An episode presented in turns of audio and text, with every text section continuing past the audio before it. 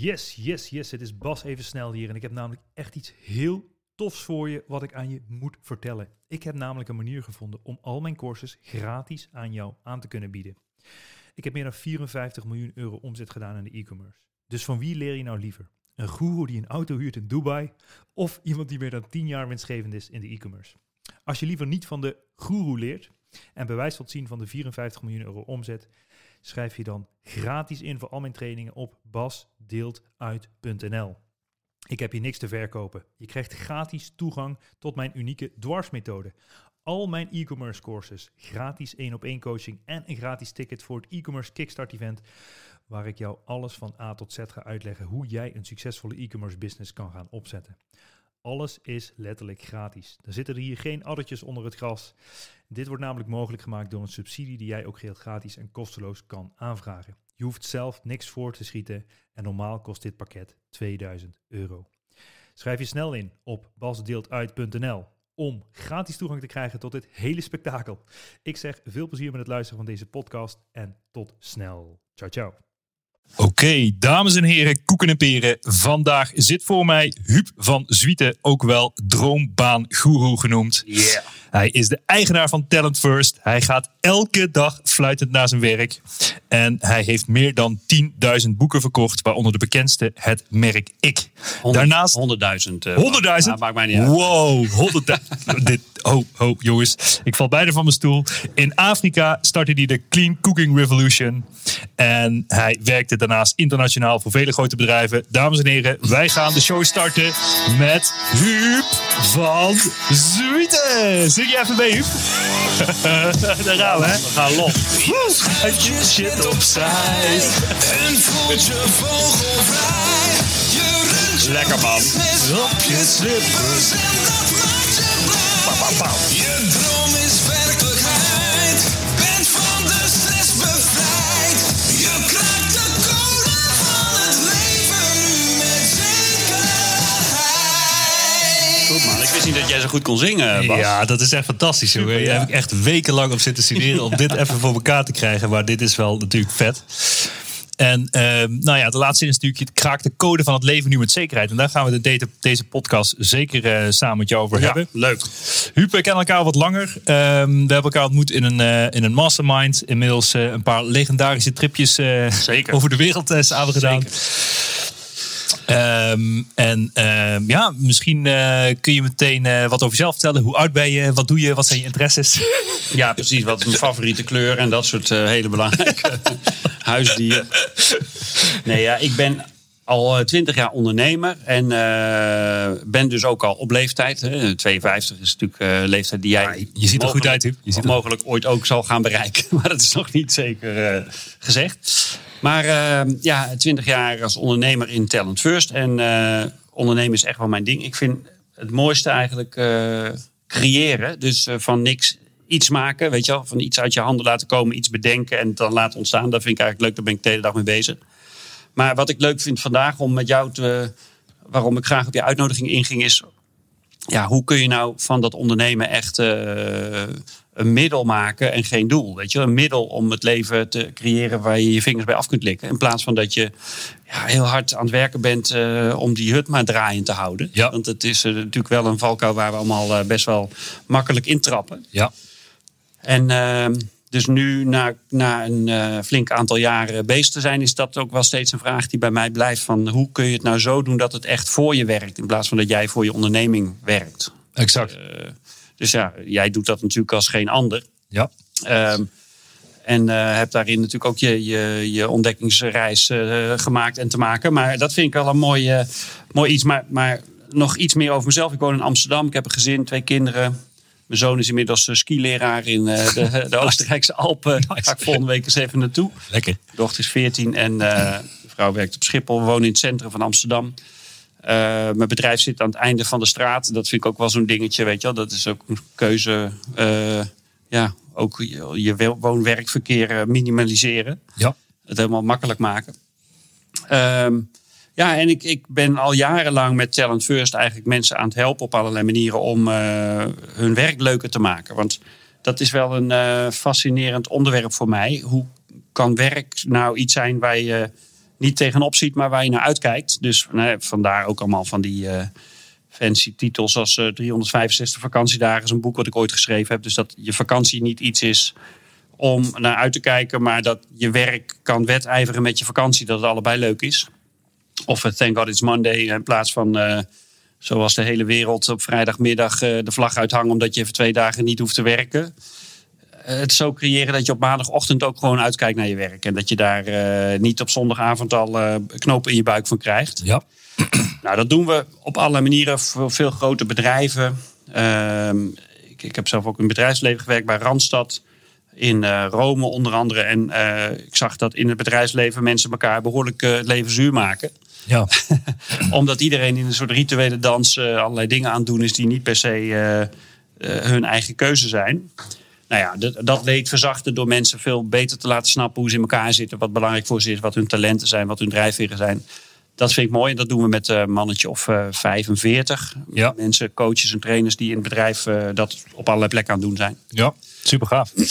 Hey, en ik ben heel erg benieuwd naar je eigen drijfveer. Hè? Ik, wil, ik zou eigenlijk meer willen kijken naar eh, wie is Huub en eh, wat vindt Huub belangrijk. Dus eh, Ja. ik heb eigenlijk een vraag bedacht die ik het liefst elke gast wil gaan stellen. Je Ja. bent eh, een beetje het proefkonijn, Huub. Ja, nee, dat is uh, story of my life. Wat zou je doen als je nog maar drie maanden te leven hebt? Ja, moet je je voorstellen dat dat zo zou zijn, zeg. Hey, dat zou toch wat zijn als je die, die diagnose ineens krijgt. Wat zou je doen als je drie maanden nog maar te leven hebt? Ja, ik zou in ieder geval heel veel tijd met mijn eh, gezin doorbrengen, met mijn vrienden. Ik zou denk ik wel eh, een gigantisch feest geven. Dat lijkt me wel een van de eerste dingen. Ja. Eh, Kijk hoe je al je geld er nog doorheen kan blazen. In Alles verkopen. Nee, maar in ieder geval wel, ja, dat, dat, dat zoveel mogelijk mensen die ik, eh, waar ik van hou om me heen, daar iets moois voor eh, creëren. Bijzondere momenten, magic moments. Dat zou ik, eh, ja, ik denk inderdaad aan een gigantisch feest of eh, ja, diners of tof eh kwaliteitstijd met mensen creëren. Ja, nou ik geloof erin als je stilstaat bij die vraag dat je zelf ook meer gaat nadenken van waar draait het leven eigenlijk over en wat doe ik met mijn tijd. Hè? Dus Ja. eh, dat is meer eh, waar ik een beetje naartoe probeer te gaan van oké, wat vind jij echt belangrijk en, en leef je daar nu al naar of is het eigenlijk een soort van eh, roes waar je in leeft en voordat je het weet is die voorbij zeg maar. Sleepwalking, ja. Ja, Nou, dat, ehm, ja, dat is wel een vraag die je inderdaad elke dag moet stellen eigenlijk. Hè? En eh, elke dag ook s s'avonds bedenken van heb ik nou eigenlijk wel eh, de energie gekregen van wat ik deed? Heb, heb ik echt wel lol gehad in wat ik deed? En eh, ja, Steve Jobs die heeft ooit zo'n hele beroemde speech gegeven. Ja. eh, waarin hij dat ook zegt van als je elke dag in de spiegel kijkt en je hebt net even te veel dagen achter elkaar dat je zegt van ja, dit was eigenlijk niks, dan, dan is het tijd om het te veranderen. En ik ben eh, ja, doe dat niet op dagelijkse basis. Maar ja, het moet wel een soort gevoel zijn van dat je met goede bezig bent. En wat voor mij eh, heel leuk is in het ondernemen, is het creëren, wat ik net zei. Ja. En dat is wel een ding wat ik continu in mijn dagen heb, volgens mij. En dat, eh, dat geeft me veel energie. Eh, creëren, maar ook samen met mensen dingen Ja. doen. ja, Dus ik mag ook heel graag gewoon. weet je, ik heb ook veel sociale dingen in mijn tijd. dus een bakje koffie of een, een drankje met iemand doen.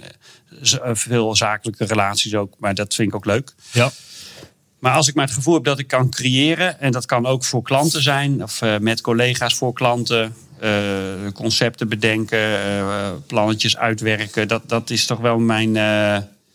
jouw ding. ja, ik denk dat dat wel echt mijn drijfveer ook is. Ik geloof dat wij als mensen wel echt creërende wezens zijn. Dat, dat, dat, dat geeft in ieder geval mijn, mij energie. Maar tegelijkertijd, als je het hebt over drijfveren... wij, wij doen bij Talent First... eh, hebben we een drijfverenanalyse. Dat is eigenlijk een software-instrument... waarmee we voor mensen precies kunnen boven tafel kunnen krijgen... wat hun drijfveren zijn. En dat is heel interessant, want je hebt... eh, ja, mensen zijn gewoon anders. En wat voor de ene belangrijk is, is voor de andere helemaal niet belangrijk. En het is dus hartstikke belangrijk dat je dat van jezelf weet en snapt. Ja, Eigenlijk is het een soort persoonlijke gebruiksaanwijzing. zeker. En bij mij is bijvoorbeeld eh, drie, ik heb drie eh, drijfveren die, eh, van de zes die er zijn, die bij mij belangrijk zijn. En eentje is eh, de individualistische drijfveer. En dat heeft te maken met het creëren. Ik vind het leuk om dingen naar mijn hand te zetten. Om dingen ja, ook grip op te hebben. Eh, dus als ik dat kan doen, dan, dan daar krijg ik energie van. Dat is de één. Het tweede is sociale drijfveer. Mensen helpen. Vind ik ook leuk als ik iets kan doen waarmee ik anderen iets kan bieden. Waarmee ik iets goeds kan doen. Dat vind ik ook, dat geeft me energie. En het derde is de ehm, eh, zakelijke drijfveer. Ik vind het ook leuk als dingen iets opleveren. Een beetje voor wat hoort wat. Weet je, dat ik zie dat mijn inspanningen beloond worden. Ja. Maar wat bij mij bijvoorbeeld niet belangrijk is, maar voor anderen wel, ehm, is een intellectuele drijfveer. Dus ik ben niet echt gericht om heel veel kennis op te doen, om steeds slimmer te worden. Of Nee. om, een- terwijl sommige mensen vinden dat echt belangrijk. Die kunnen daar echt helemaal eh, zichzelf in verliezen. Alles staat toch al op het internet. Ja, nou ja, voor mij is dat inderdaad niet zo'n. eh, Ja, maar het is ook geen oordeel, want het is, eh, hè, iedereen is daarin gewoon anders. Of wat bij mij ook niet zo belangrijk is, is de um, ideële drijfveer. Dus dat je heel erg alles probeert te begrijpen in systemen en in, in, in gedachten en, en, en visies. Dat hoeft voor mij ook niet per se, vind ik ook niet zo belangrijk. Esthetisch vind ik ook niet heel belangrijk. Dat dingen heel mooi moeten zijn of heel goed moeten kloppen. Goed met elkaar in verband moeten zijn. Dus het is heel leuk om, om eigenlijk dat goed van jezelf te snappen. Wat is nou je drijfveer? Want als je die drijfveren kunt voeden, dan heb je gewoon een leuke dag. En dan heb je een le- leuk leven als je dat structureel kunt doen. Ja. Je probeert eigenlijk een beetje op zoek te gaan naar je eigen kernwaarden en daarna te leven, zeg maar. Dat is uiteindelijk misschien wel het Ja. belangrijkste. Dat elke keuze die je maakt en je eigen kernwaarden weer eh, erbij pakt. Hè? Een beetje Ja. de dingen die je net ook, eh, ook zei. Dat je Ja. dan kijkt van pas deze keuze binnen die kernwaarden. Ja. Tenminste, ja. eh, Maar wat, wat fascinerend is, is dat mensen dat helemaal niet altijd geneigd zijn te doen. En ook dat, dat systemen in bedrijven helemaal niet per se daarop gericht zijn. Want ehm, heel veel mensen leven het leven van iemand anders. Dat kan bijvoorbeeld van je baas zijn. Of eh, dat, je, dat je in je werk aan het doen bent wat je denkt dat je baas van je verwacht of van je wil. Of dat je in je carrière keuzes maakt die niet per se jouw keuzes zijn, maar die je maakt omdat je denkt dat dat je vader eigenlijk het eh, liefste zou zien. Weet je wel? Ja. Dus heel veel mensen leven een leven wat eigenlijk gebaseerd is op keuzes van iemand anders. Terwijl, eh, ja, het klinkt egoïstisch, maar dat is het niet. Want als je gewoon echt vanuit jezelf gaat handelen. Als je echt vanuit je eigen eh, talenten, drijfveren, passies, dromen gaat handelen, dan heb je daarin ook het meest te bieden voor anderen. Want op het moment dat jij iets doet wat heel erg bij je past, dan eh, ja, kom je het meest tot je recht. En dan, Ja. weet je, ik, eh, voorbeeld, ik zat van de week in een restaurant en een, een kopje thee te drinken in de middag. En er werden we bediend door iemand die dat duidelijk ja, gewoon aan het doen was om zijn geld te verdienen. Weet je? Dus je merkte gewoon dat wij eigenlijk een soort eh, ja, lastig eh, element in zijn dag waren. Want we, hadden, eh, we wilden wat bestellen, zeg maar. Ja, ja, ja, ja, ja. Dus je wil natuurlijk in een restaurant wil je dat, je dat je wordt bediend door iemand die dat gewoon heel leuk vindt om te doen. Die dat niet alleen maar aan doen is omdat hij daar zijn geld mee moet verdienen. Dat is gewoon een hele andere ervaring. En ook als, als klant ergens, dan wil je dat je geholpen wordt door iemand die er gewoon ja, intrinsiek voor gemotiveerd is om jou te helpen. ja. En ik hoorde net in de auto hier naartoe een, een, een wel een grappige reclame van een eh, administratiekantoor. Die zeiden van, joh, jij vindt je boekhouding waarschijnlijk een drama. Veel ondernemers vinden dat natuurlijk ook. Tuurlijk. Wij vinden dat juist leuk. Ja. Nou, eh, eh, kom naar ons, bla bla bla, boekhoudkantoor, Hubbel de Pub. Maar dat vond ik eigenlijk wel heel grappig bedacht. Want heel veel ondernemers die doen natuurlijk allerlei dingen die ze niet leuk vinden, omdat ze denken dat het moet. Bijvoorbeeld je boekhouding. Ja. Het is eigenlijk heel asociaal om allerlei dingen te doen die je niet leuk vindt. Want dat kun je veel beter overlaten aan mensen die dat leuk vinden. Ten eerste eh, gun je dan iemand een, een leuke baan, een leuk werk. Ja. En ten tweede, ja, als jij het niet leuk vindt, dan kun je het ook nooit echt goed. En dan is het ook eigenlijk echt een beetje zonde van je tijd. Ja. Het is ook nog eigenlijk eh, zonde, omdat je die tijd beter kunt besteden aan iets wat je wel leuk vindt. Omdat je daarin ook gewoon meer te bieden hebt aan anderen. Ja. Dus eh, ja, het is een beetje een monoloog. Maar eh, ja, als je bij mij een kwartje erin gooit, dan, Dan eh, krijg je de rest vanzelf. ga ik los. Nee, is mooi man. Ja, ik hoorde je net ook zeggen, mensen leven iemand anders leven. En ik, en ik zie ook wel natuurlijk in mijn omgeving hoe... Ja, ik heb zelf ook drie kleine kinderen. En ik zie natuurlijk ook... eh, eh, ik heb veel vrienden die ook kinderen hebben. En Ja. die dus een fulltime baan hebben. En die, ja, wat mij betreft, zeg maar... in, in een soort van eh, hel leven, als je het mij vraagt... in de tijdmanagement wat ze hebben. Ja, ja, ja. Maar om echt zeg maar in je schoenen te staan en je droom achterna te gaan, weet je, daar komen twee dingen denk ik bij kijken ook. Dus één, je hebt lef nodig. En twee, mensen zijn vaak heel erg angstig om Ja. een bepaalde keuze te maken. ja. En eh, bedoel, jij ook met Talent First helpt volgens mij ook veel mensen erbij om daar juist wel krachtig in de schoenen te staan. Zeker, ja. En, en wat zijn dan vaak wat jij ziet, zeg maar, die paar dingen die dan uiteindelijk zeg maar, ervoor zorgen dat die mensen eh, wel in actie gaan komen en wel het lef hebben en niet die angst om uiteindelijk hun eigen leven te leiden in plaats van een ander? Ja, het is niet alleen eh, lef, want het is ook eh, een, een, een eh, mindshift zeg maar, die je moet maken. Wij hebben zo'n eh, procesje, dat, eh, dat noemen we het GSM-principe, staat voor eh, geen smoezen meer. maar heel veel mensen die, die komen er niet aan toe om, om zich af te vragen of ze nou lef hebben om een bepaalde stap te zetten, omdat ze eigenlijk gewoon denken dat het niet kan. Dus mensen voelen zich, hè, jij noemt de situatie van iemand met drie kinderen, een vaste baan. Ehm, mensen denken dat ze daarin dan geen keuzes meer hebben. Omdat nou eenmaal dingen zijn zoals ze zijn. En ja, op het moment dat je denkt dat je geen keuze hebt, dan ga je ook, ja, dan heb je, ja, heb je ook dat lef niet nodig. Want dan denk je, ja, het kan helemaal niet. Hoe lef, hoeveel lef ik ook heb, want het kan gewoon niet, want ik zit gewoon vast. Ja. Een voorbeeld, eh, wij hebben met mijn eh, gezin een tijdje in Zuid-Afrika gewoond. Ehm, eigenlijk een soort sabbatical. Ja. En ehm, ik was daar heel erg geïnspireerd door een gast die ik ooit eens een keer op een podium had gezien. Die had ook een reis gemaakt met zijn gezin. En veel mensen denken dat dat niet kan. Weet je, je denkt, ja, kleine kinderen, dat kan niet. Want ja, hoe moet dat dan? Want ze moeten naar school. En daar houdt het heel, heel vaak op voor mensen. Ja. Maar het is helemaal niet zo, want je hebt allerlei keuzes. En Precies. deze man eh, op het podium was Leen Zevenbergen.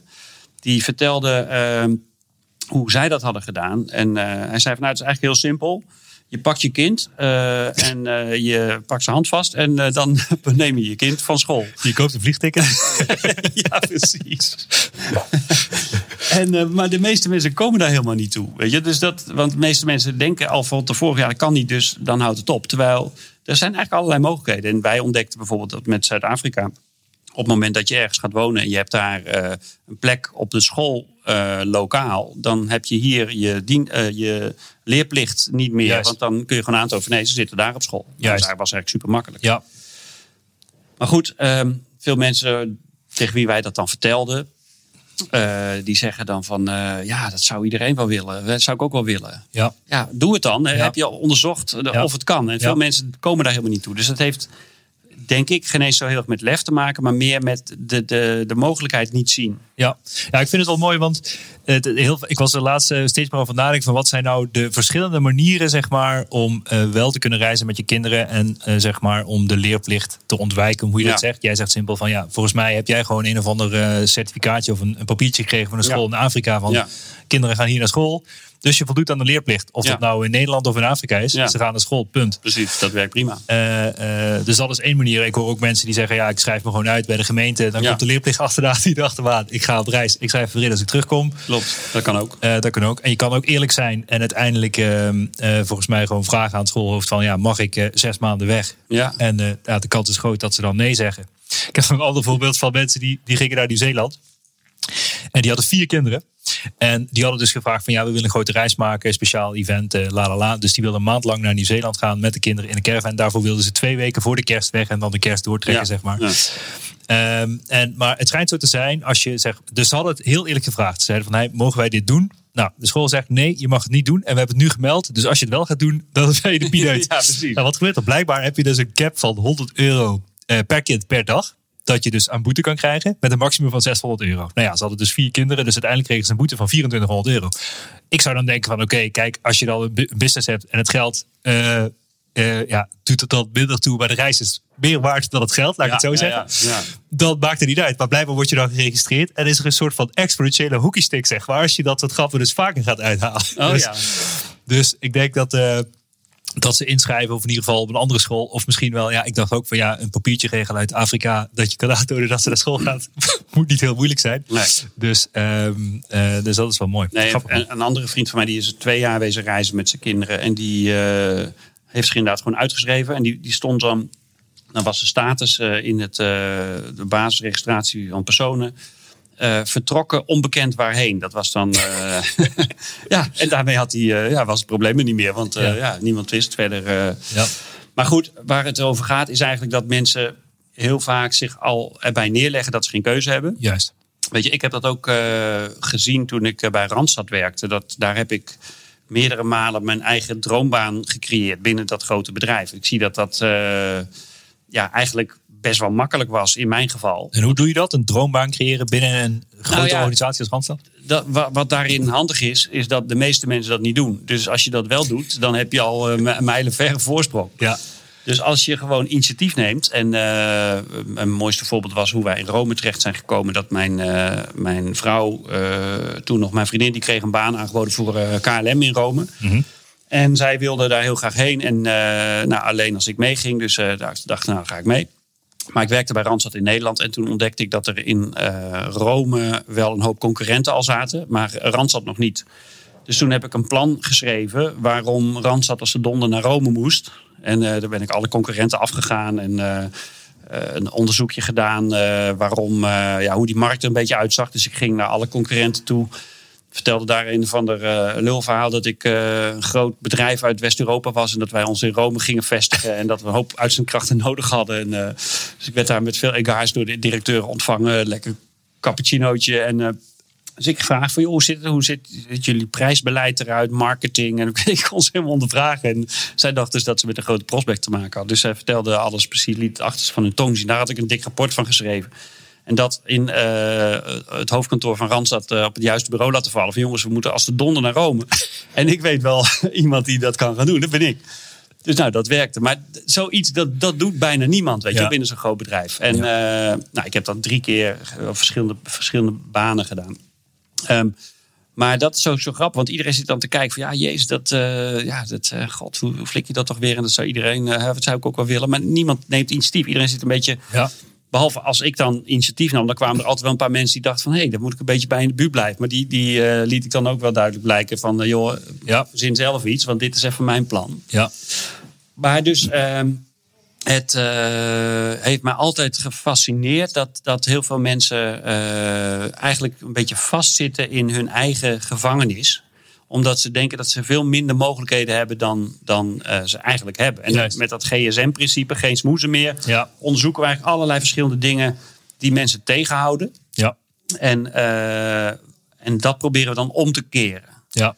En van de week zag ik een, een fantastische. Het gaat heel erg namelijk over hoe je denkt. En eh, hoe je van eh, de, de omstandigheden die er zijn, hoe je daarin de mogelijkheden kunt zien. Super fascinerend voorbeeld. Vorige week eh, zag ik eh, Ali B. eh, bij de Wereld Draait Door. En die vertelde een verhaal.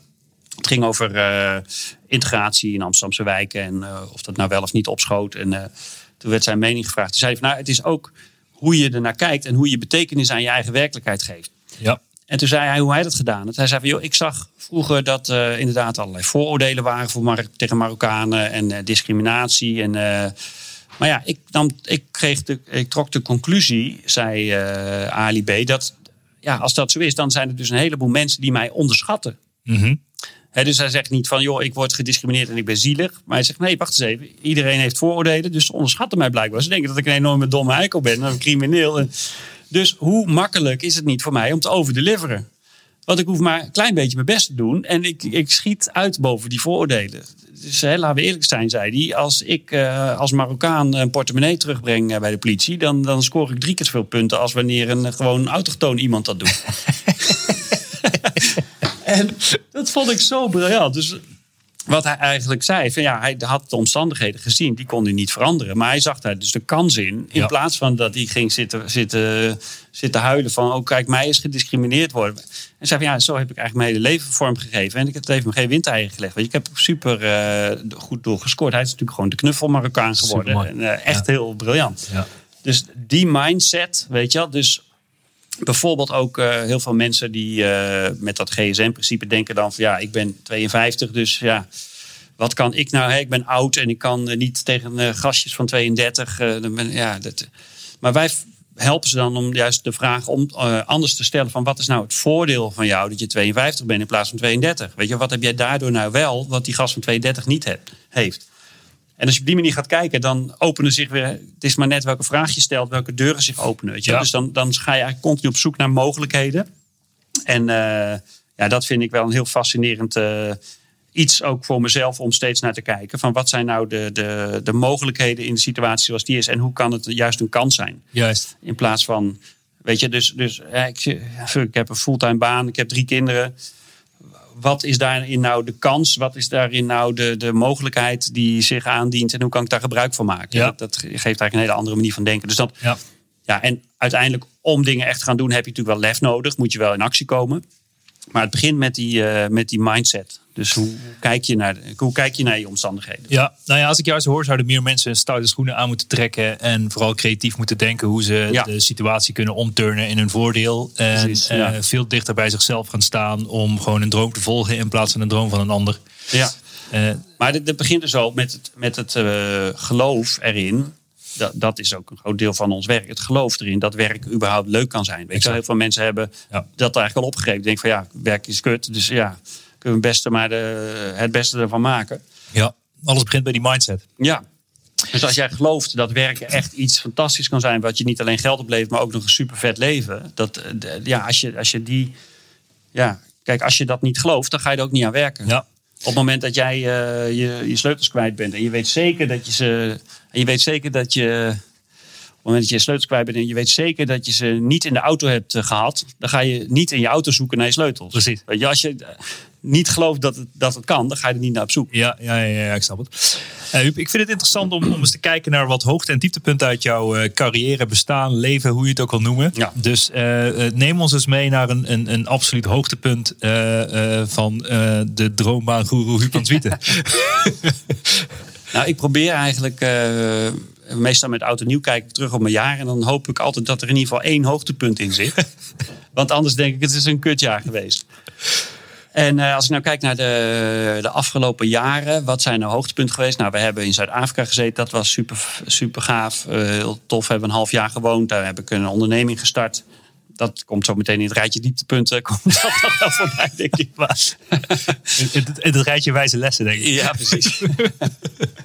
maar ehm, eh, dus dat was heel tof. Met Talent First heb ik ja, ook heel veel toffe dingen gedaan. Heel veel hoogtepunten. Eh, bijvoorbeeld met Thank God It's Monday theatershows. Ik heb een paar keer in Carré gedaan. Dat was heel gaaf. Een uitverkocht Carré. En dan Dat een vind ik echt schitterend. Weet je.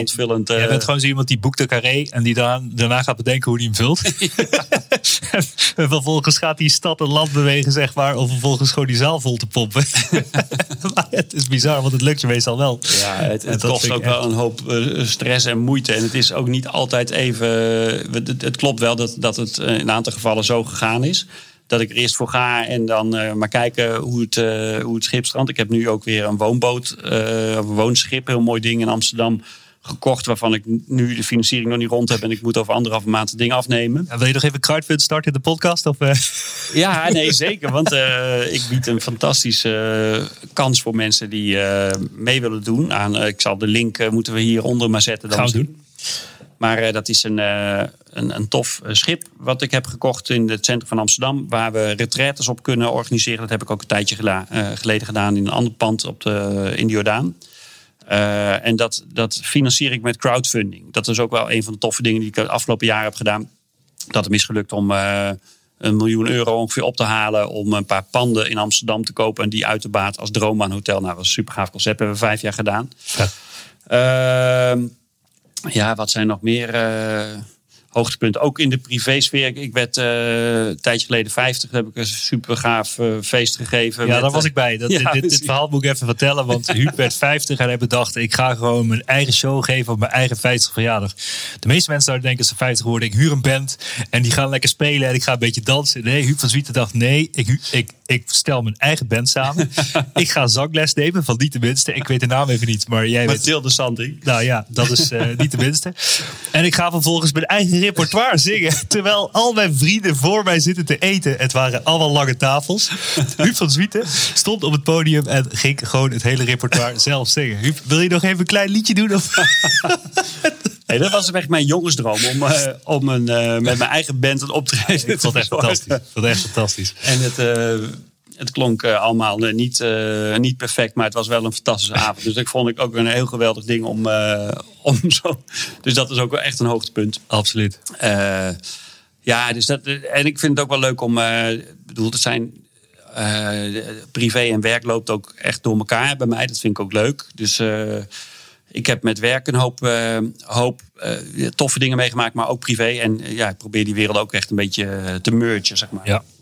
En je had het net over Afrika en je had het eh, over hoogtepunten, maar ook over dieptepunten. Eigenlijk is het een beetje een combinatie van die twee geworden, geloof ik. Zeker, ja. In Afrika ben jij de Clean Cooking Revolution gestart, geloof ik. Ja, Kun je daar eens ja, wat meer over vertellen? Nou, toen wij in Afrika woonden, hadden we, kwam ik eh, in contact met een aantal gasten die mij wezen op een heel groot probleem wat bestaat en wat ik eigenlijk helemaal niet wist, wat heel weinig mensen weten. En dat is dat er heel veel mensen doodgaan aan het inhaleren van eh, rook van, die bij koken vrijkomt. Dus heel veel mensen koken op eh, kerosine. En dat is super giftig. En dat doen ze ook vaak nog binnen. Maar mensen hebben geen flauw idee. Dus die koken binnen op zo'n zo'n potje eh, kerosine en die ademen al die rook in. En daar gaan meer mensen aan dood dan aan aids en malaria bij elkaar. 4,3 miljoen mensen per jaar. Wow. Terwijl er gewoon een oplossing voor is. Want er bestaan gewoon kookapparaten waar geen rook van afkomt. Nou, wij eh, zijn toen begonnen om die kookapparaten aan de mensen te gaan eh, eh, distribueren, te gaan verkopen. En eh, met die gasten met wie ik begon, kreeg ik eigenlijk een beetje bonje. Dus dat was ook echt een eh, naar eh, dieptepunt. Want ja, ik heb eigenlijk niet vaak meegemaakt dat ik zakelijk eh, echt in een conflict kwam met iemand. En zij, eh, ja, dat was voelend voor mij natuurlijk allemaal heel eh, veel onrecht wat zij mij hebben aangedaan. Zij zullen ongetwijfeld andersom dat misschien ook zo gevoeld hebben. Maar goed, dat, dat zie je altijd in zakelijke conflicten. Maar dat was heel naar. En ehm, toen ben ik doorgepakt zelf. Toen heb ik een grote partij stoofs van Philips gekocht. Destijds, dat was een, ja, een, beetje een impuls aankoop vanuit dat conflict wat ik had. Ik zal je niet vragen hoeveel het was. Nou, het waren 10.000 stoofs. Dus dat, eh, ja, dat was wel lachen. Want dat was, doordat ik in, in een conflict zat met die gasten. Zij zeiden. oh, Ik kwam in conflict met hun. En toen zei ik van nou, oké, ga ik gewoon door zonder jullie. Maar zij hadden eh, dat kookapparaat hadden zij, eh, dat hadden zij ontworpen. Dus toen zeiden ze van nou, je mag best doorgaan, maar niet met ons apparaat. Nou, ik baalde natuurlijk. Maar toen ontdekte ik dat Philips een hele grote partij van die dingen te koop had. Philips stapte uit die markt en die had een partij van 10.000 eh, van die dingen te kopen. Dus ik dacht, nou, dat is mooi. Kon ik voor een zacht prijsje kopen. Ja. Maar goed, 10.000 keer een zacht prijsje is toch nog een behoorlijke bedrag. Je, je dacht, Philips krijgt ze niet verkocht, dan doe ik het wel. Nou ja, Philips had 12 jaar in die business gezeten en koos ervoor om strategisch eh, zich alleen maar op gezondheidszorg te richten en, Ja. en eh, licht. Nou ja, Ja. Eh, maar goed, achteraf gezien kan je inderdaad wel bedenken van waarom zouden ze er nou zo mee gestopt zijn. Niet omdat het heel makkelijk was waarschijnlijk. En dat bleek ook niet zo te zijn. Maar goed, toen heb ik een grote partij van die dingen gekocht en ben ik daarmee doorgestart. En eh, eh, heb ik drie jaar eh, vanuit Nederland eigenlijk die Zuid-Afrikaanse onderneming geprobeerd leven in te blazen. Of, of beter te maken of, of groter te maken. En dat lukte uiteindelijk niet, want het was... Ja, het is heel lastig. Het is heel lastig om op afstand zoiets te doen. Ja, want om het even plat te slaan, je hebt dus al die stoofs gekocht en die wilde je eigenlijk eh, in de townships of aan de, Ja. de mensen die dus potentieel doodgaan van het kerosine koken, Ja. wilde jij eigenlijk zo'n ding Verkopen. verkopen. Ja. Eh, dus ik zie Huub eh, met een pick-up truck met allemaal dozen erop, Ja. een, een ghetto inrijden in Afrika. dat werkt, en aankloppen bij de, bij de hutjes van, kijk, dit is eigenlijk een veel beter alternatief en hier ga je dood van. Ja. Dat is ook een klein stukje educatie wat je die mensen moet geven. Nou ja, dat is zeker. Maar dat is ook wat tevens eh, de reden waarom het niet gelukt is. Omdat ik eigenlijk geen eh, geld had om dat goed te organiseren. Dus ik had, ik had eh, behoorlijk wat geld gestoken in het aanschaffen van die stoofs. Maar ik had eigenlijk niet voldoende geld om dat op een substantiële manier om te, op te zetten. Inderdaad met educatie. En, dat, want je moet dat eigenlijk inderdaad met kleinschalige programma's. Goede support, educatie, service en zo erbovenop zitten. En dan mensen helpen om die change te maken. Want ze moeten dus echt gedragsverandering gaan, eh, Exact. gaan, gaan aanmeten. en dat is hartstikke lastig gebleken. Achteraf heb ik in drie jaar nog veel meer geld uitgegeven. Want ik ging elke maand op en neer vliegen. En ik huurde allemaal mensen in die ik dan later toch weer eh, moest laten gaan. en Zo. Dus achteraf gezien had ik dat geld wat ik uitgegeven heb beter kunnen besteden aan inderdaad kleinschalige educatieve projecten. Ja. Maar goed, dat is eh, met de kennis van nu. Zo is het.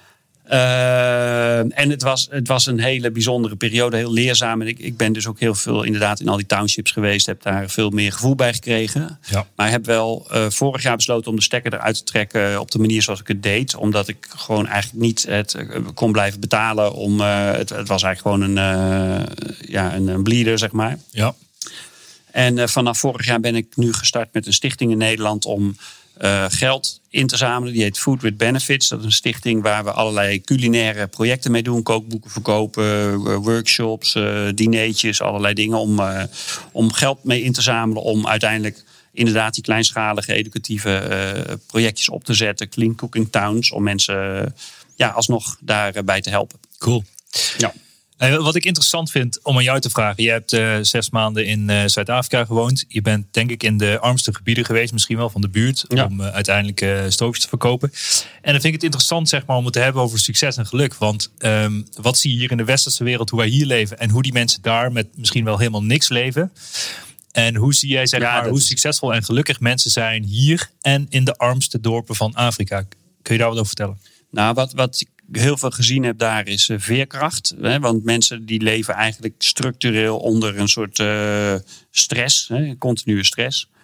Posttraumatisch stresssyndroom is daar een soort, volgens mij, volksziekte nummer één. Want mensen hebben zoveel stress in hun leven, maar zijn daar ook zo aan gewend dat ze dus niet meer zo snel schrikken als er iets gebeurt. Dus ze kunnen heel veel aan, veel meer dan wij. Kijk, wij, wij beginnen al te huilen als de bus een keer te laat komt. Of als het regent?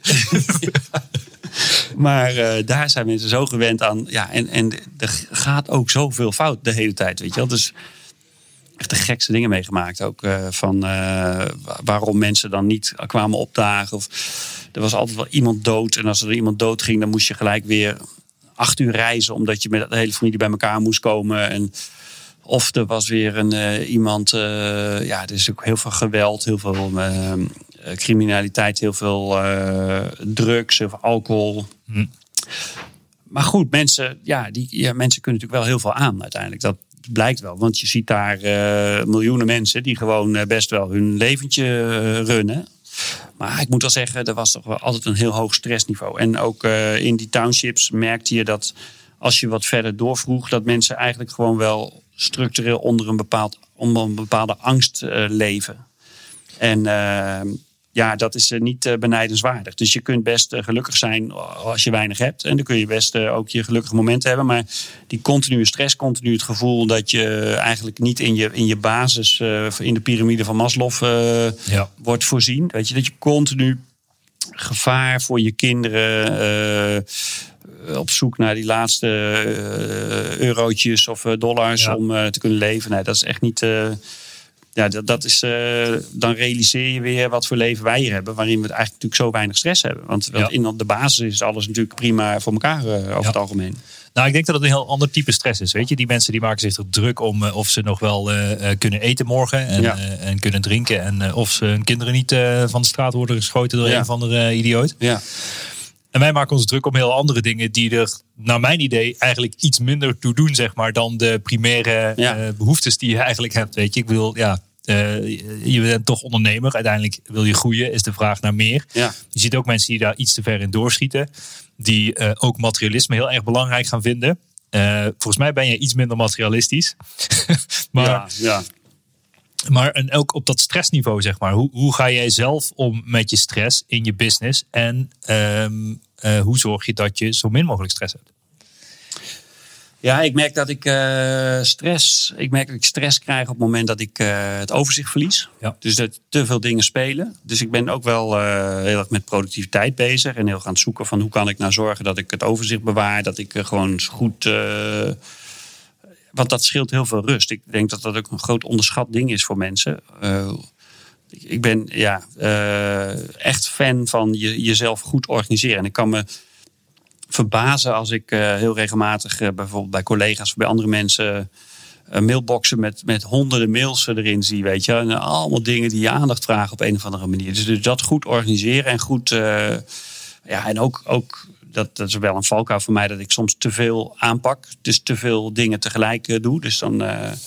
Zo'n uit, uitdrukking, spread yourself eh, thin. Hè? Dus als je te veel dingen doet, dan, dan word je eigenlijk heel dun op al die dingen. En dan, dan kan het eigenlijk niet succesvol worden. Ja, Dus dat is voor mij ook nog wel een uitdaging om, om ervoor te zorgen dat ik niet te veel tegelijk op mijn bordje heb. ja, Daar moet ik mezelf continu in, eh, in corrigeren. Want er komt elke dag wel weer een ander tof project voorbij waar ik eh, mijn tanden in wil zetten. Ja, ja. Dat wordt natuurlijk helemaal niks. ja. Dus, dus focus en, en, en ja, goed organiseren. Dus, dus echt goed continu je inbox leeg. Continu zorgen dat je weet wat voor taakjes je hebt. Alles uit je hoofd weg organiseren. Dat, dat is voor mij ook echt wel heel... eh, dat werkt wel heel goed. Jij doet volgens mij ook een beetje getting things eh, done methode. Ja. Dus jij liet me heel vaker eh, met trots je inbox zien. En dan zie je in eh, Gmail zo'n mannetje in een, in een lichtstoel liggen onder een palmboom. Ja, nee, precies. en, en dat, Dat is mijn vriend. Precies. dus elke dag als je dat balletje weer ziet, dan weet je dat je het goed gedaan hebt. Ja. Maar toch, ik, ik- als ondernemer zie ik ook vaak dat het, het, het overzicht creëren en überhaupt controle houden op de hele tent geeft dus minder stress en rust. Ja. Alleen toch is het niet altijd even makkelijk, zeg maar, om dit overzicht en die controle te, ehm, ja, te, te creëren of te, te verkrijgen, of hoe je het ook wel wil noemen. Mhm. Ehm, ja, ik ben, ik ben gewoon heel erg benieuwd naar een soort van praktische handvaten van hoe creëer je nou meer overzicht en controle in je business of datgene wat je aan het doen bent. Hè? Dus je zegt ook, je loopt vaak in zeven sloten tegelijk. Dan ben je al snel het overzicht of de controle kwijt Ja. misschien, maar misschien ook niet. Maar Ja. hou het simpel. Of wat, wat, wat, wat zouden jouw praktische tips zijn die jij in je dagelijks leven toepast, die jou meer overzicht en controle geven? Ja, het, is dan dus ook belangrijk dat je echt eh, goed weet hoe je functioneert of hoe je in elkaar zit. Hè. We hadden het net over talenten en drijfveren. Eh, ik vind het ook wel lekker als ik gewoon ehm, eh, redelijk met rust gelaten word, zeg maar. Weet je ik word niet de hele dag door gebeld. Dat vind ik ook heel fijn. Dus ik communiceer heel fijn met WhatsApp. Op het moment dat, dat ik dan tijd heb, kan ik reageren. Dus, maar dat is ook belangrijk dat je weet hoe dat voor jou werkt. Om daarop te kunnen, eh, op dat, op, om dat dan zo te kunnen organiseren. Dus ik, ik heb 40 eh, mensen in dat bedrijf werken. Maar ja, ik heb natuurlijk niet iedereen continu aan de lijn. En dat moet ook niet, want daar, zou ik helemaal gek van worden. Dus om, daar ook compromisloos bij jezelf te beginnen. En te denken van wat werkt voor mij nou fijn. Ik ben ook best wel vaak thuis aan het werken. Dus ik begin heel vaak mijn dag eh, thuis. Tot een uurtje of eh, half elf, kwart voor elf. Dan ga ik vaak naar de sportschool, een uurtje sporten. En dan, uh, ja, smiddags heb ik dan soms wat afspraken. Vaak, vaak wat afspraken. Maar wat dus volgens mij heel belangrijk is om goed te weten van wat is nou voor jou een ideale situatie. En die dan, ja, dan te kijken van hoe kun je dat creëren. Ik moet ook denken aan toen ik nog uh, in uh, loondienst werkte. Daar had ik heel vaak overlegjes. En dat deed ik altijd buiten. Dus ik ging altijd op het terras zitten met iemand. En, Juist. Bitterbal erbij. Ja, bijvoorbeeld. Of, uh, ja. En mijn collega's die keken daar uh, naar van, nou, wat doe jij nou? Die dachten dat je dan per se in een vergaderkamertje moest gaan ja. zitten met elkaar. Ja. Dus, dus daarin ook gewoon je vrijheid opzoeken. En uh, ja, ik weet dat ik, zolang mijn resultaten goed waren, vond mijn baas alles gezegend. Weet je, het zou hem jeuken hoe ik mijn overlegjes deed. Nu ook doe ik vaak maak een wandelingetje met overlegjes. Dus je kunt daarin nog veel meer dingen naar je hand zetten. En ja, dat mag, je mag het gewoon zelf weten allemaal. Weet je? Helemaal als ondernemer. Dat, dat heb ik toch ook wel echt, ben ik ook nog steeds aan het leren dat je het echt zelf mag weten in je onderneming. Je, je, bent ondernemer, je bent eigen baas. Dus wie gaat dan jou bepalen hoe je het moet doen? Weet je niemand toch eigenlijk, want je mag het echt zelf bepalen. Ja. Maar ja, vergeten we natuurlijk, omdat er allerlei dingen zijn die toch uh, weer uh, je aandacht vragen. Of de conventies, of misschien dingen die je van thuis hebt meegekregen. Ja, ik ben ook zelf fan van Steve Jobs. Ik was een keer een filmpje op YouTube aan het kijken. En hij zei, hij zei op een gegeven moment ook: Everything you call life is made up by people. They were no smarter than you. Ja. In andere woorden, dus alles wat jij het leven noemt, is bedacht door mensen die niet veel slimmer zijn dan je zelf bent. En als je daar stil bij gaat staan, ja. door alles wat we doen in het dagelijkse ritme, leven, bankeersysteem, juridisch, politie. Ja. Je gaat van 9 tot 5, whatever. En, en jij bent hier het levende voorbeeld dat je gewoon denkt: van ja, weet je, fuck hoe de rest het doet. Ik doe het op mijn manier. Ja. En uh, dat werkt voor mij. En uh, prima, weet je. En je staat gewoon 100% in je eigen kracht. En dat vind ik echt super mooi om te zien. Maar ik heb het ook wel moeten leren. Want ik weet nog heel goed toen ik net begonnen was met mijn onderneming. Dan ging ik overdag een uurtje hardlopen. Nou, dat kostte me toch een partij moeite. Hoor. Dat is een schuldgevoel. En, ja, precies. Het is echt bizar hoe, hoe sterk dat erin sluipt. Dus hoe blijkbaar we toch zo zijn ja, gewired of geprogrammeerd... dat dat dus niet kan. Want uh, ja, iedereen vindt het normaal om s'avonds af en toe eens een mailtje te beantwoorden. Maar pak je die vrijheid de andere kant op ook uh, overdag in je werktijd. Weet je? Dat, heel veel mensen in loondienst die doen dat eigenlijk niet. Terwijl ik denk dat je daar ook veel meer vrijheid in kan pakken dan je denkt. Dat je daarin veel meer vrijheid kunt creëren dan, uh, dan je jezelf misschien toestaat. Ja.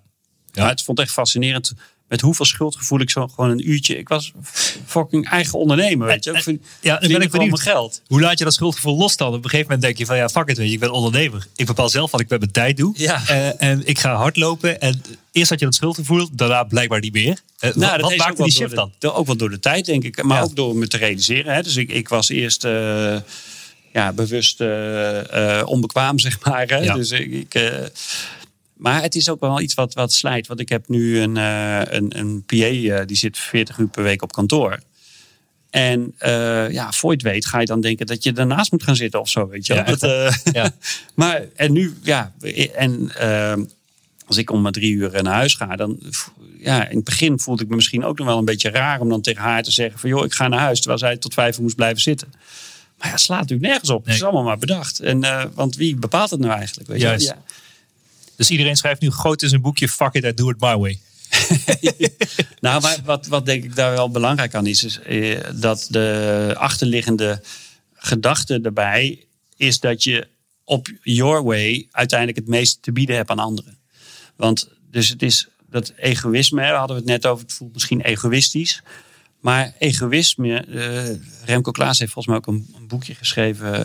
eh, iets met eh, zelf, eh, met, met, eh, met, ik zal het hem eens vragen. Hij komt binnenkort bij mij, is hij te gast in mijn podcast. Maar goed bedoeld egocentrisme of zoiets als effect, voor effectief leiderschap, whatever. Ik weet niet precies. Maar Ja.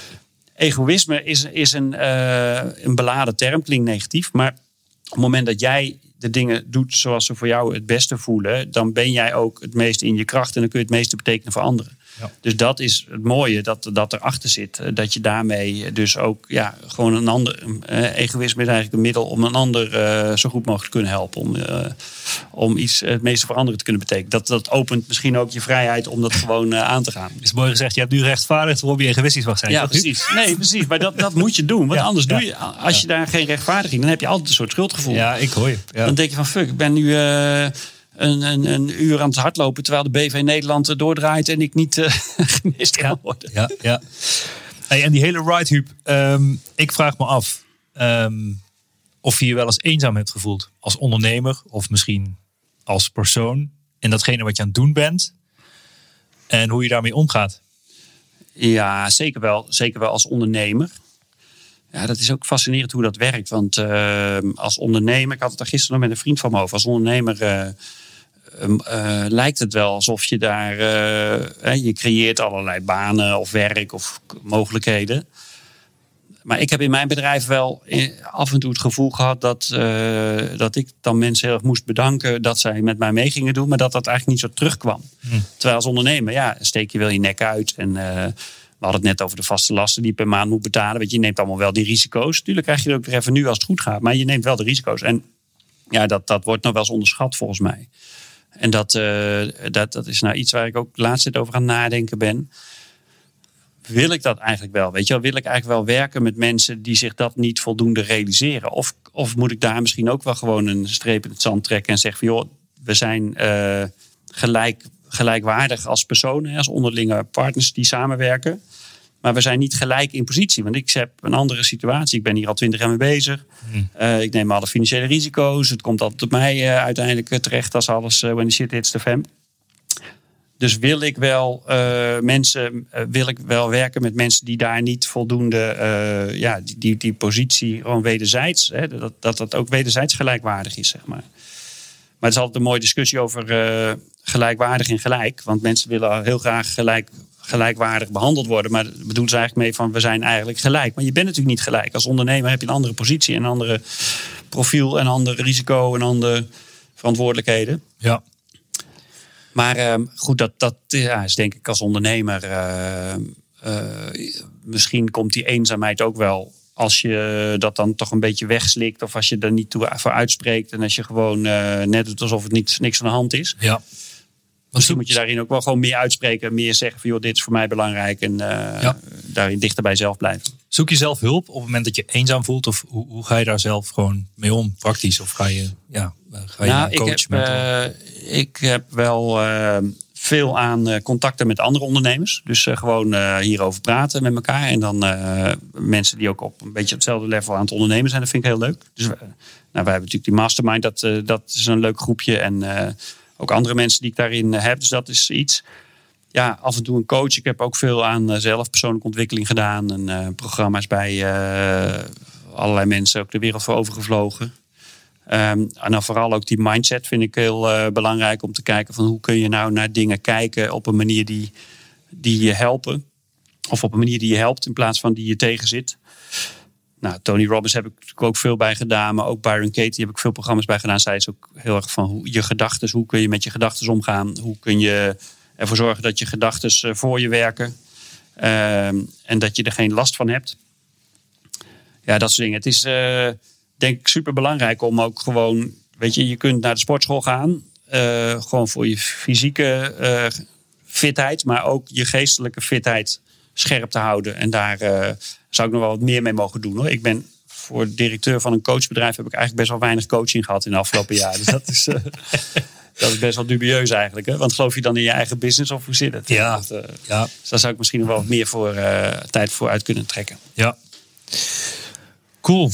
Ik vind het heel gaaf. Hey, en een van het fluitend naar je werk is een soort van beweging, toch? Ja, nou ja, dat is natuurlijk een leuke metafoor voor gewoon het goede werk aan doen zijn. Weet je, dus, ik weet nog dat ik bij Randstad eh, ooit werkte en daar had een, eh, een gast, dat was een mooie kerel, die was accountmanager. Dat was een totale paradijsvogel.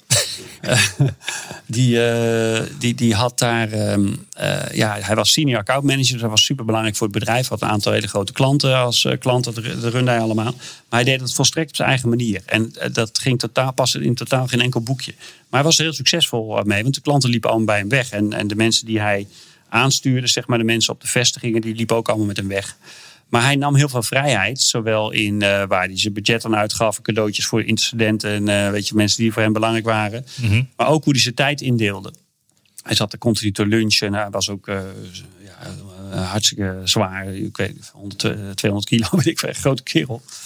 Maar die had boven zijn bureau hangen, fluitend naar je werk is een primaire arbeidsvoorwaarde. Ja, vond ik een fantastische tekst. Want dat is natuurlijk ook echt zo, weet je. Dat, dat, eh, ja, dat kun je ook niet veinzen. Als iemand eh, fluitend eh, naar zijn werk gaat en fluitend weer naar huis, fluitend op zijn werk, weet je, als iemand echt naar zin heeft. Dat, dat is niet iets wat je kunt spelen.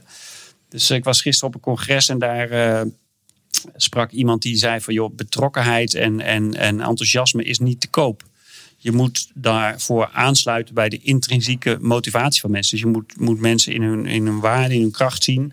En ze helpen om daar eh, het beste uit te halen. Je kunt dat niet met geld of met een bonus of wat dan ook eh, doen.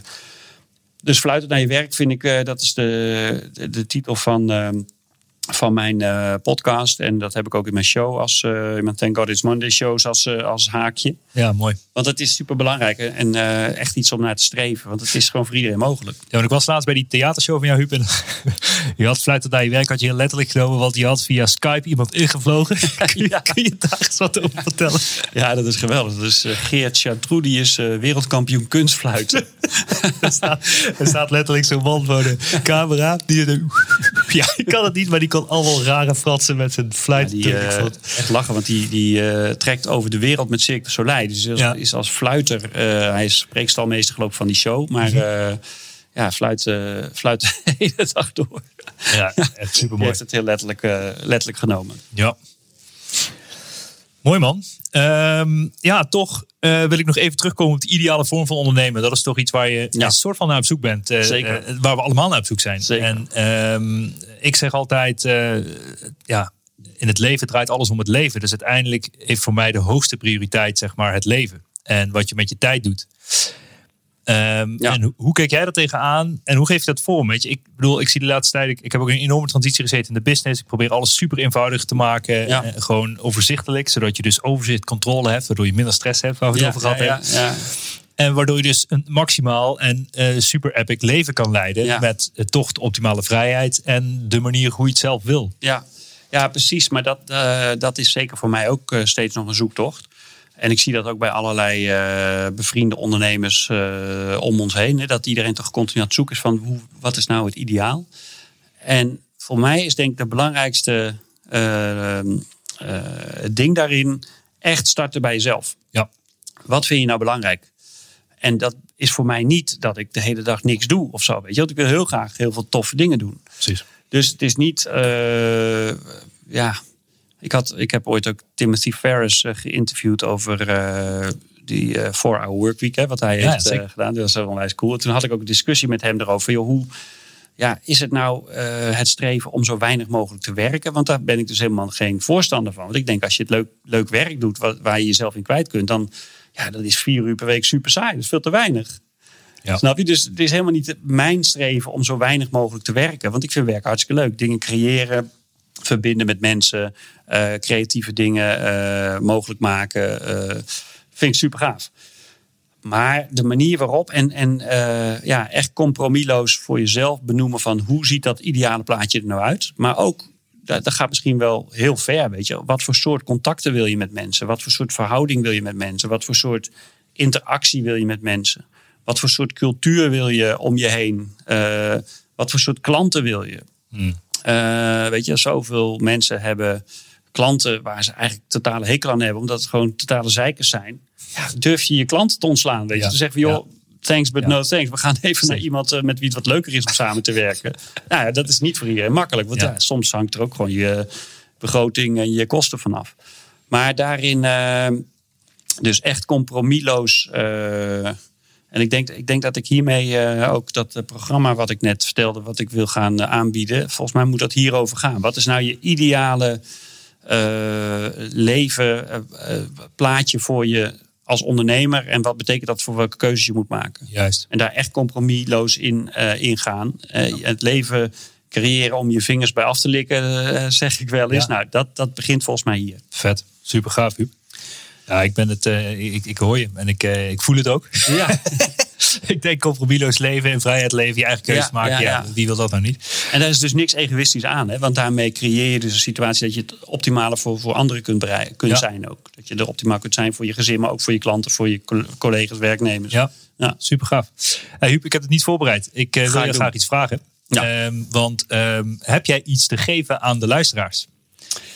Ja. Want het is mooi, heb je mooie e-books, eh, kunnen mensen eh, korting krijgen op coaching. eh, misschien kunnen we een mooi pakketje samenstellen en die online gooien. Ja, zeker leuk. Ik heb sowieso een heel mooi boek met de titel Thank God It's Monday. Dat geef ik graag aan al jouw, jouw vrienden en, en Heel gaaf. fans cadeau. Dus Ja. dat eh, sta- zetten we hieronder in de, in de links, toch? Onder Ja, het, we eh, gaan, ik, maak ondernemen op slippers.nl slash Huub. Oh ja, precies. Kijk, hoe wil je dit? Eh Huub gaat ook ondernemen op slippers. Eh, en daar gaan we gewoon eh, wat mooie dingetjes op zetten. Minimaal het boek Tank Altijd Monday, Ja, wat je dus cool. eh, kan bemachtigen. Om dus uh, fluitend naar je werk te gaan. Nog, nog één eh, mooie anekdote over dat ondernemen op slippers. Ik weet nog dat ik een keer echt een eh, soort epiphany had. Ja, Tien jaar geleden was ik een boek aan het schrijven.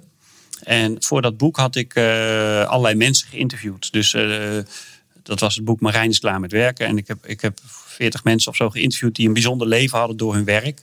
Die interviews had ik allemaal opgenomen. En ehm, eh, zij zouden, die interviews zou ik gaan verwerken in een romanverhaal. Dus dat was mijn idee. Dus ik ben toen twee weken naar Costa Rica gegaan ja. om daar de, de grootste bulk van dat, van dat boek te gaan schrijven. En toen weet ik nog dat ik op een gegeven moment ehm, in, eh, dat was eh, ja, ja, tien jaar geleden was het nog maar, maar je had volgens mij nog wel een, eh, ik, had dus, ik had een Blackberry. En daar had ik volgens mij, oh ja, ik had een Blackberry in mijn hand.